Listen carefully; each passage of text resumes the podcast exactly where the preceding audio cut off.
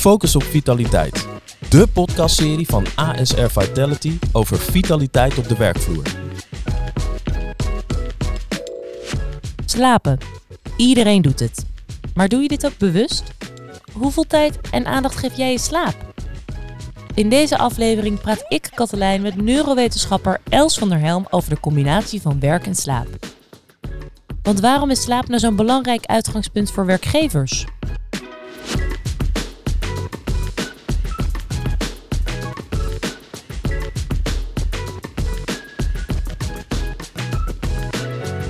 Ja, ik wil ook niet starten met een flauwe vraag over goed geslapen, et cetera. Maar eigenlijk wel de start. Ja, wat is, waarom is slaap zo belangrijk? Ja, poeh, nou, waarom eigenlijk niet? Het is belangrijk voor zoveel verschillende dingen. En dat komt eigenlijk doordat de rol van slaap zo fundamenteel is. Ehm, dus wat je ziet is dat er eigenlijk geen proces in ons lichaam of in onze hersenen plaatsvindt, wat kan plaatsvinden zonder dat we goed hebben geslapen. Dus daardoor zie je ook dat als we niet goed slapen, dat het gewoon enorm veel neveneffecten heeft. Uh, zowel op het brein als op ons lichaam. En dan kan je natuurlijk denken aan onze fysieke gezondheid en onze mentale gezondheid, maar ook onze productiviteit, um, hoe we eigenlijk onze hersenen de hele dag gebruiken. En tenslotte ook onze veiligheid. Want we zien ook dat als mensen vermoeid zijn, dat ze veel sneller ongelukken krijgen. En we kunnen natuurlijk op ieder van die onderdelen nog veel dieper in. Maar dat geeft denk ik wel aan ja, hoe breed het is en hoe belangrijk het is om eigenlijk te beginnen met slaap. Want iedereen is natuurlijk altijd bezig met allerlei dingen om uh, gezond te zijn of productief te zijn. Het gaat natuurlijk niet alleen maar om slapen. Dan hebben we het ook over, uh, over beweging, sporten, uh, onze stress managen, gezond eten. Maar vaak komt slaap daar veel te laat bij kijken. Want als je eigenlijk begint met goed slapen, dan kan je zien dat al die andere dingen die eigenlijk ook heel goed zijn voor een goede levensstijl of gezonde levensstijl, dat die eigenlijk veel makkelijker gaan. Dus om je heel kort voorbeeld te geven, als je een uur korter slaapt dan normaal, dan eet je gemiddeld 140 calorieën meer de volgende dag. Maar je eet ook veel meer koolhydraten dan normaal. En je lichaam reageert weer anders op de suikers die je eet. En dat komt omdat je hormonen uit balans raken. Het hormoon dat je hongerig doet voelen, ghrelin gaat omhoog. Leptin, waardoor je eigenlijk normaal gesproken vol laat voelen, uh, gaat naar beneden. Dus als je bijvoorbeeld als voornemen hebt om gezond te eten, ja, dan wordt dat dus al heel erg lastig mm. op het moment dat je vermoeid bent. En even uh, terug naar de basis. Is er ook een uh, verschil met uh, hoeveel slaap iemand per persoon nodig heeft? Is dat, kan je dat zeggen? Ja, ja. ja absoluut. het is eigenlijk een soort van verdeeld als een normaalcurve. Met in het midden ongeveer een gemiddelde van 7,5 tot 8 uur slaap. Dus dat is eigenlijk een beetje het gemiddelde van wat we nodig hebben. Maar ja, daar zit dus enorm veel variatie in. Um, de meeste mensen hebben ongeveer 7 tot 9 uur slaap nodig. Maar er zijn echt uitzonderingen. Dus echte ja, short sleepers. Uh, die met 6 uur of misschien gewoon net iets minder goed toe kunnen. En mensen die gewoon echt meer nodig hebben. Dus 9 of 10 uur iedere nacht om zich goed te voelen. En ja, waar jij eigenlijk zit, is heel erg afhankelijk van je genen. Dus dit is niet uh, jezelf trainen, discipline, doorzetten, uh, heel stoer doen. dat soort gedoe. Uh, maar ja, je zit gewoon ergens op die curve. En we zien natuurlijk wel dat, er, dat, je bij normaal, dat je bij sommige omstandigheden ineens iets meer slaap nodig hebt. Als je ziek bent of als je heel veel nieuwe dingen leert. Um, het is natuurlijk ook gerelateerd aan onze leeftijd. Baby's zijn echt een slaapkampioen, die slapen het meest. En dan neemt eigenlijk die slaapbehoefte af totdat we ongeveer 25 zijn. En dan blijft eigenlijk de rest van ons leven stabiel. Dus ja, hoeveel slaap heb je nodig? Dat hangt dus af met name van je genen, natuurlijk ook je leeftijd. En dan nog eventuele omstandigheden als ziek zijn, vele nieuwe dingen leren. Hey, en eigenlijk waar ik mee wil starten is dat waarom zou elke werkgever daar meer in moeten investeren? Ja, nou ja, hoe ik dat eigenlijk zie is, um, if you're part of the problem, dan moet je ook part of the solution zijn. Want je ziet toch wel vaak dat uh, slaaptekort gerelateerd is aan werk. Dus allereerst zien we gewoon dat heel veel mensen tekort slapen of een slechte kwaliteit hebben van de slaap. En dat is wel vaak gerelateerd aan werk, omdat onze hersenen gewoon niet een hele stressvolle dag kunnen hebben en dan vervolgens echt als een blok in slaap kunnen vallen. Dus eigenlijk moet je al de hele dag ja, veel meer bezig zijn met je stress. Um, dus dat los je echt op met je eigen gedrag, met je gewoontes. Maar ja, je kan niet alles oplossen, zeg maar tussen 6 tot 11 uur s avonds. Je zal daar ook echt eerder op de dag iets mee moeten doen. Of dat nou hele korte ontspanningsmomenten zijn, of even sporten, of een wandeling buiten maken, of een fijn gesprek met een collega. Of eventjes gewoon 15 minuten tussen al je meetings. Dus dat is eigenlijk één ding, dat toch heel vaak wel werk één van de factoren is. En daarnaast zie je ook gewoon een hele verandering nu dat uh, millennials veel meer kijken naar de cultuur bij een werkgever. En denken, oké, hoeveel word ik daar geacht te werken? Kan ik daar wel af en toe eens even sporten? Moet ik iedere avond werken? Um, dus dat is zeker ook wel een reden voor veel werkgevers om hier toch wel in te gaan veranderen. Omdat ja, de huidige generatie er gewoon heel anders naar kijkt dan vorige generaties. En wat er ook bij hangt, is eigenlijk dat we ook steeds meer kijken van ja, wat voor uh, perks, zoals het in de Engels zeggen. Dus wat voor ja, soort van uh, extra voordelen krijg ik om bij deze werkgever te gaan werken. Dus dat zijn denk ik toch echt wel de ja, verschillende redenen waarom je als werkgever hiernaar moet kijken. Nog bovenop het feit dat als je werkgevers productiever zijn, gezonder zijn, je daar natuurlijk heel snel van profiteert. Waarom is het zo lang niet on top of our minds uh, geweest. Dan stond het hoog op de agenda. Als het zo van belang is. Ja, ja daar verbaas ik me soms ook wel over. Uh, ik heb eigenlijk al iets meer dan twintig jaar geleden een boek gelezen van Stanford professor uh, Bill over het belang van slaap. En ik was toen zelf 16 en ik dacht echt van wauw, dit is, weet je, dit is zo belangrijk. Hij vertelt daarin hoe magisch slaap eigenlijk is, wat er allemaal gebeurt. En ook het leed dat eigenlijk is in de wereld, omdat we gewoon ons daar niet allemaal van bewust zijn.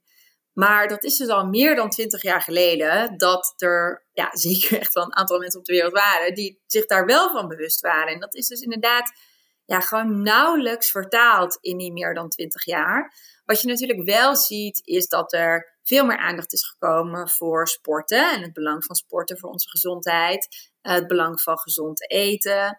Ehm, daarna kwam eigenlijk eerst uh, stress en uh, dingen als mindfulness en meditatie. Voor eigenlijk slaap. Dus nu zie je eigenlijk een beetje de start van aandacht voor slaap. Um, en ja, het is eigenlijk best wel gek dat dat niet al eerder is gekomen. Dus ik denk dat we daar gewoon nog een hele slag moeten maken qua bewustzijn, um, en erkenning bij onszelf, wat er eigenlijk bij onszelf gebeurt op het moment dat we niet goed slapen. Want daar komt toch wel heel veel motivatie uit voort. Ja, wat, wat, zie, wat zie jij gebeuren bij de bedrijven die jij helpt? Of met uh, werkgevers en werknemers met wie je in gesprek gaat? Wat zie je dan voor resultaten, om het even heel concreet te maken? Nou, ik denk dat, dat ten eerste dat er gaan een lampje aangaat bij heel veel mensen. En dat is denk ik ook wel echt altijd een heel erg gaaf moment. Um, omdat, en met een lampje aangaan bedoel ik dat, de, dat er mensen ineens heel anders naar slaap gaan kijken. Dus iets wat ze al hun hele leven, iedere nacht doen, waar ze misschien echt nog nooit heel veel over na hebben gedacht. Um, dat ze gewoon ineens bedenken van, wauw, ik ben echt een derde van mijn leven aan het slapen. En misschien moet ik dat toch wel eigenlijk iets meer aandacht geven dan dat ik nu doe. Dus ja, het allerleukste is gewoon mensen kunnen bereiken en vervolgens ook echt kunnen helpen. Want, ik wilde um, namelijk wel vragen, kan je iedereen helpen? Nou ja, je kan zeker wel iedereen helpen. Alleen het lastige is dat wat er eigenlijk 9 van de 10 keer met, ja, met name bij komt kijken, is gedragsverandering omdat ja, je, je slaap, zeg maar, s'nachts is eigenlijk gewoon een afspiegeling van je dag. Um, dus een goede nacht slapen begint echt al gewoon ochtends met hoe je opstaat en wat je de hele dag gaat doen. Um, en mensen houden gewoon niet van gedragsverandering. Die gaan veel liever uh, hun portemonnee trekken en 100 euro uitgeven voor pillen of, of, of, wat voor apparaat dan ook. Dan zeg maar echt, ja, putting in the work uh, om beter te gaan, uh, beter te gaan slapen. wij hebben ons natuurlijk heel erg verdiept in, ja, hoe creëer je dan gedragsverandering? En die methode ook echt gewoon toegepast in onze coachings-app. En dat gaat hem heel erg om hele kleine stapjes nemen, beloning krijgen voor die kleine stapjes. Dus ja, niet in één keer tien dingen tegelijk willen. Um, wat je dan misschien een paar dagen volhoudt en dan ja, geef je het op en val je gewoon ja, compleet zeg maar weer vanaf. Dus wij zijn eigenlijk ja, inmiddels ook nog veel meer uh, gedragsverandering-experts dan alleen maar slaapexperts. Dat komt dus gewoon doordat je gewoon zoveel eigenlijk hele kleine beslissingen neemt op een dag, die allemaal leiden tot goede of slechte slaap. En dat zit hem gewoon heel vaak in onze gewoontes. En onze gewoontes denken we niet eens over na. En die willen we ook niet veranderen. Ja, want Els, als je even heel praktisch voorbeeld. Ik zit bijvoorbeeld te luisteren en ik denk, nou, ik, uh, ik slaap niet goed. En uh, nou, misschien is dat inderdaad de reden dat ik uh, minder goed bepaalde um, dingen ook focus heb op werk. Ja, wat zou ik dan even heel praktisch kunnen doen? Wat zijn nou bijvoorbeeld kleine dingen die ik kan veranderen in mijn routine of in mijn gedrag? Ja, nou, dat hangt dus heel erg van af wat voor type slaper jij bent um, en, en hoe jouw gewoontes eruit zien. Dus er is niet zeg maar echt een, een one size fits all, wel qua methode voor de gedragsverandering, maar natuurlijk niet waar jij moet gaan beginnen. Want iedereen heeft gewoon een reeks van slechte gewoontes, inclusief uh, ikzelf. Maar je hoeft niet per se alles perfect te doen om goede slaap te krijgen. De vraag is natuurlijk, ja, wat is voor jou eigenlijk het, het, het meest natuurlijke en het meest effectieve om mee te gaan beginnen?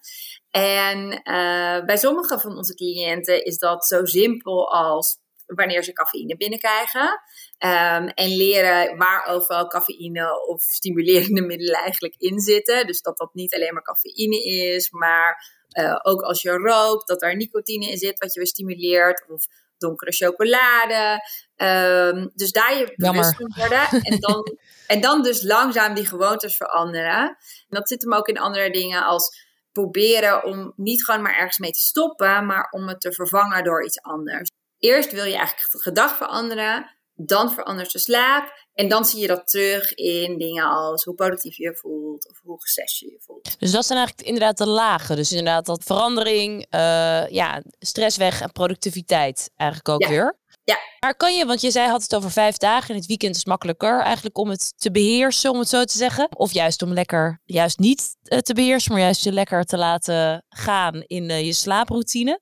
Um, kan je slaap eigenlijk inhalen? Slaaptekort? Ja en nee. Het is natuurlijk een van de meest uh, gestelde vragen die we krijgen. Ja.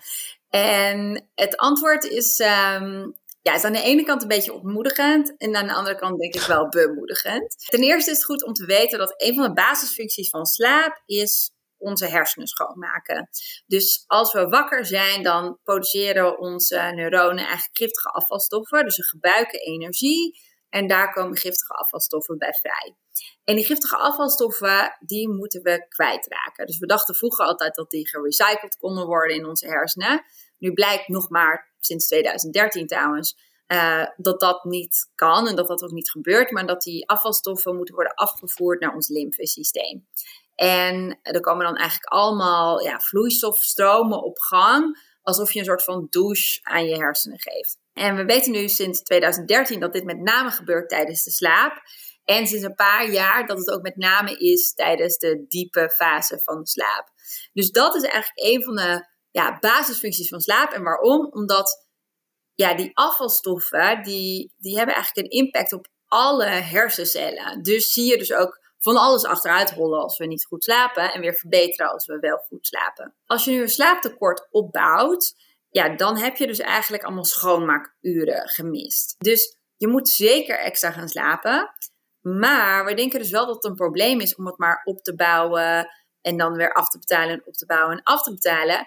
Omdat dat rekensommetje gewoon niet klopt. En omdat we natuurlijk daarnaast ook zien uit allerlei onderzoeken dat slecht slapen voor een langer tijd ja, gecorreleerd is met allerlei ziektes. Hey, en het, uh, het doen van bijvoorbeeld een middagdutje op werk, of zou, is dat, werkt dat nog een beetje mee? Of zeg je nou, dat is misschien even een pleister op de wond, maar voor de lange termijn kan je beter gewoon het helemaal aanpassen? Kijk, dutjes uh, kunnen zeker heel goed zijn, maar het hangt een beetje van jouw profiel af.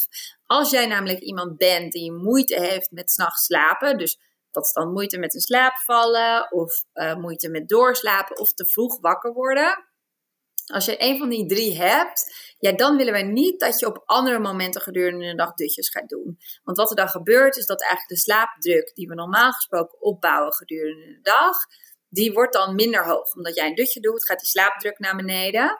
Ehm, maar die slaapdruk wil je juist heel hoog hebben om s'nachts gewoon goed te kunnen slapen. Een andere optie is om iets eerder naar bed te gaan. Dan krijg je ook ja, eigenlijk meer van die diepe slaap, wat gewoon veel herstellender is. Uh, dus dutjes, ja, kan zeker. Ik ben er zeker fan van dat het een optie is op je werk. Maar je moet dus wel mensen voorlichten van ja, wanneer wel en wanneer niet een dutje doen. En um, oh ja, een kleine detailvraag. Is er een soort max aan het uh, dutje? Dus dat je zegt, nou ja, het is best om dan dat en dat te slapen. Of is het weer per persoon heel verschillend? Ja, nou je moet eigenlijk kiezen tussen twee uh, lengtes. Um, de kortste is echt een powernap. En een powernap is max 20 minuten. En die is max 20 minuten omdat we niet willen dat je in de diepe fases van de slaap terechtkomt. Omdat dat, als je daaruit wakker moet worden, ja, dan ben je echt helemaal van de wereld en, en voel je je mm. helemaal niet fijn. Dus een powernap uh, zul je alleen maar lichte slaap hebben. En dat kan zeker wel helpen met aandacht en concentratie tot wel vier uur na het dutje. Dus het is zeker een goede investering. Maar als jij een enorm slaaptekort hebt opgebouwd, dan ga je dat niet zeg maar allemaal oplossen met een powernap. En dat is omdat je dus niet die diepe slaap krijgt. Dus om dat te krijgen zou je echt een langer dutje moeten doen. En ik zei een slaapcyclus, dat is meestal iets van 90 minuten, maar dat kan zomaar 120 minuten zijn of juist net iets korter. Dus wat je dan wil doen is dat je een wekker zet die twee uur later afgaat. Maar als je voor de wekker wakker wordt, dan moet je ook echt opstaan en uit bed gaan. Dus je wilt echt ja, afronden bij één cyclus. Omdat je natuurlijk s'nachts ook gewoon weer goed moet slapen. Ja, want we hebben het natuurlijk inderdaad een begin een beetje gehad over stress uh, al licht. Maar wat doe je bijvoorbeeld tegen als je licht in bed ligt en je hebt bijna, je noemt het plafonddienst, je, ligt, uh, je kan niet slapen, je bent nog aan het piekeren over de dag, je kan niet het verwerken. Heb jij dan een soort advies wat je dan het beste kan doen? Ja, kijk, de sleutel bij stress is natuurlijk altijd ontspanning. En ontspanning is ook weer voor iedereen ja, net iets anders. Wat heel belangrijk is, is om eigenlijk uit bed te gaan op het moment dat je daar heel gefrustreerd ligt en denkt: ik wil nu slapen. Ja, hoe meer je het wil controleren, hoe minder slaap eigenlijk lukt. We hebben daar helaas gewoon geen knopje voor. En dan is het zaak om uit bed te gaan, de lichten echt heel erg gedimd te houden. Uh, het liefst uit de slaapkamer te gaan naar een ja, echt een comfortabele plek. Um, mag best zeg op de bank zijn met een dekentje.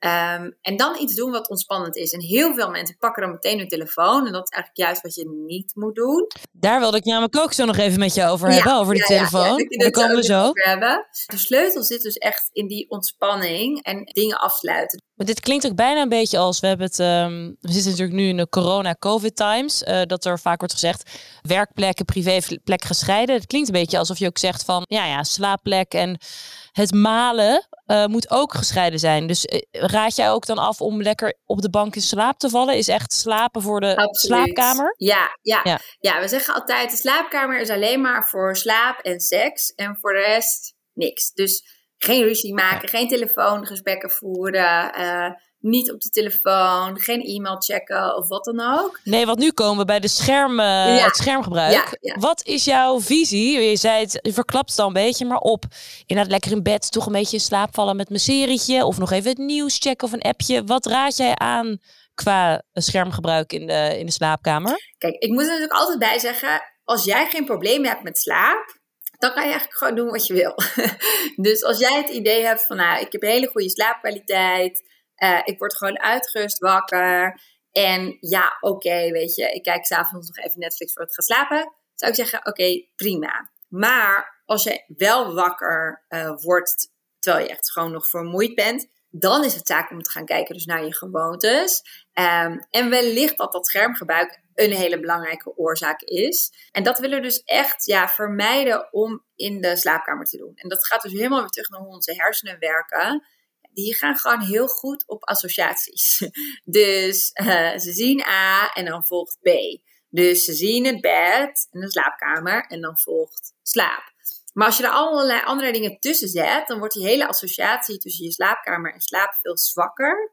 En dan volgt dus ook minder gemakkelijk uh, de slaap. Dus we zijn wat dat betreft gewoon nog vrij simpele wezens die heel erg goed gaan op die associaties. Hey, en we, we, gebruiken ons scherm nog veel meer voor werk, zoomen, maar natuurlijk ook misschien met collega's bijpraten in plaats van bij het koffieapparaat. Heb je daar nog bijvoorbeeld concrete tips door? Dat je zegt, nou ja, uh, misschien om die stress al weg te nemen gedurende de dag? Of, de, of juist dat blauwe licht, kan je het beste dit of dat doen? Ja, kijk, overdag moet je gewoon heel bewust zijn met ontspanningsmomenten. En dat ging vroeger, toen we gewoon nog naar kantoor konden gaan, eigenlijk een stuk gemakkelijker. Omdat, uh, ja, tenzij je iedere ochtend in de file stond, vaak zeg maar het, het stukje forensen uh, ook wel ontspannen kon zijn. Maar daarnaast had je ook gewoon heel veel momenten op kantoor dat dat je je even kon ontspannen. Omdat je gewoon even met iemand zat kletsen.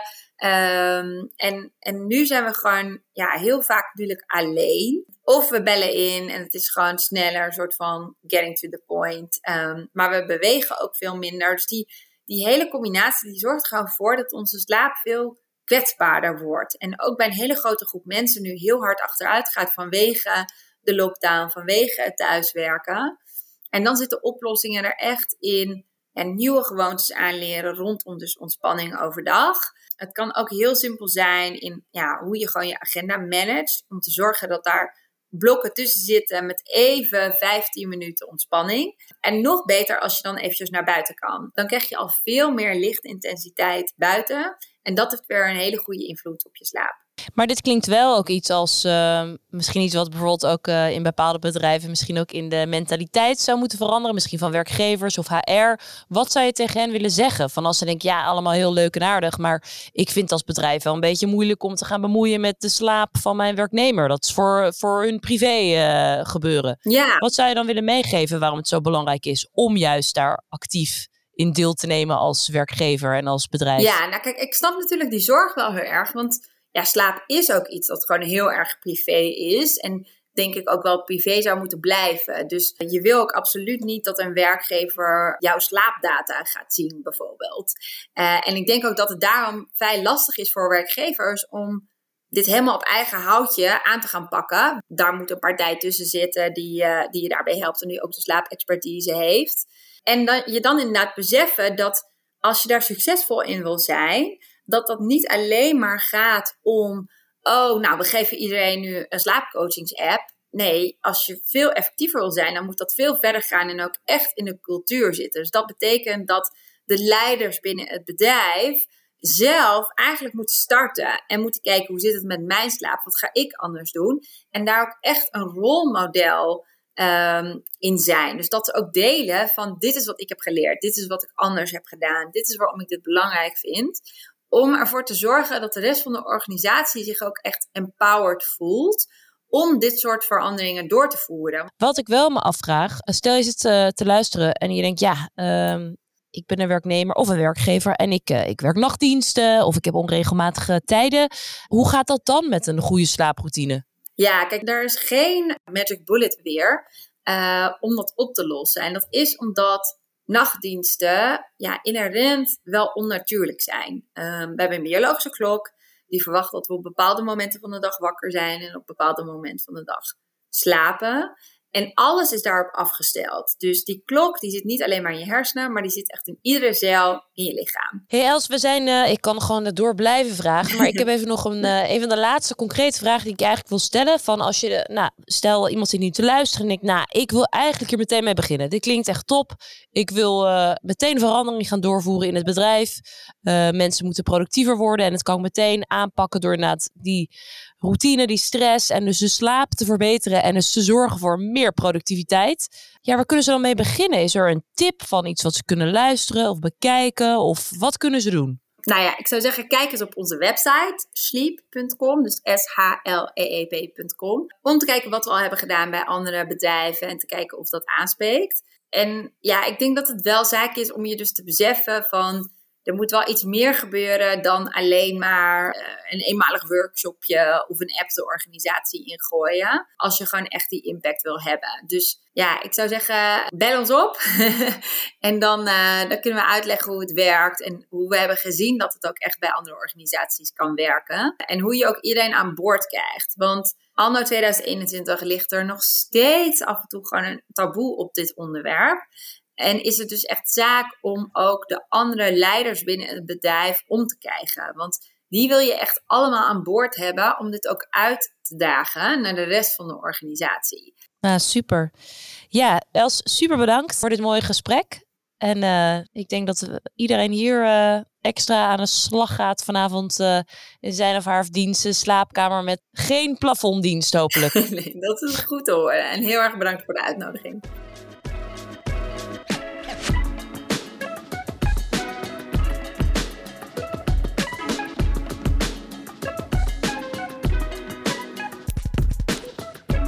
Zo, dat was hem weer voor vandaag. Leuk dat je luisterde en hopelijk heb je weer nieuwe inzichten gekregen over vitaliteit.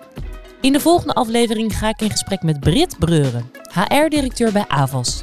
Zij vertelt dan alles over hun unieke HR-beleid. Tot dan!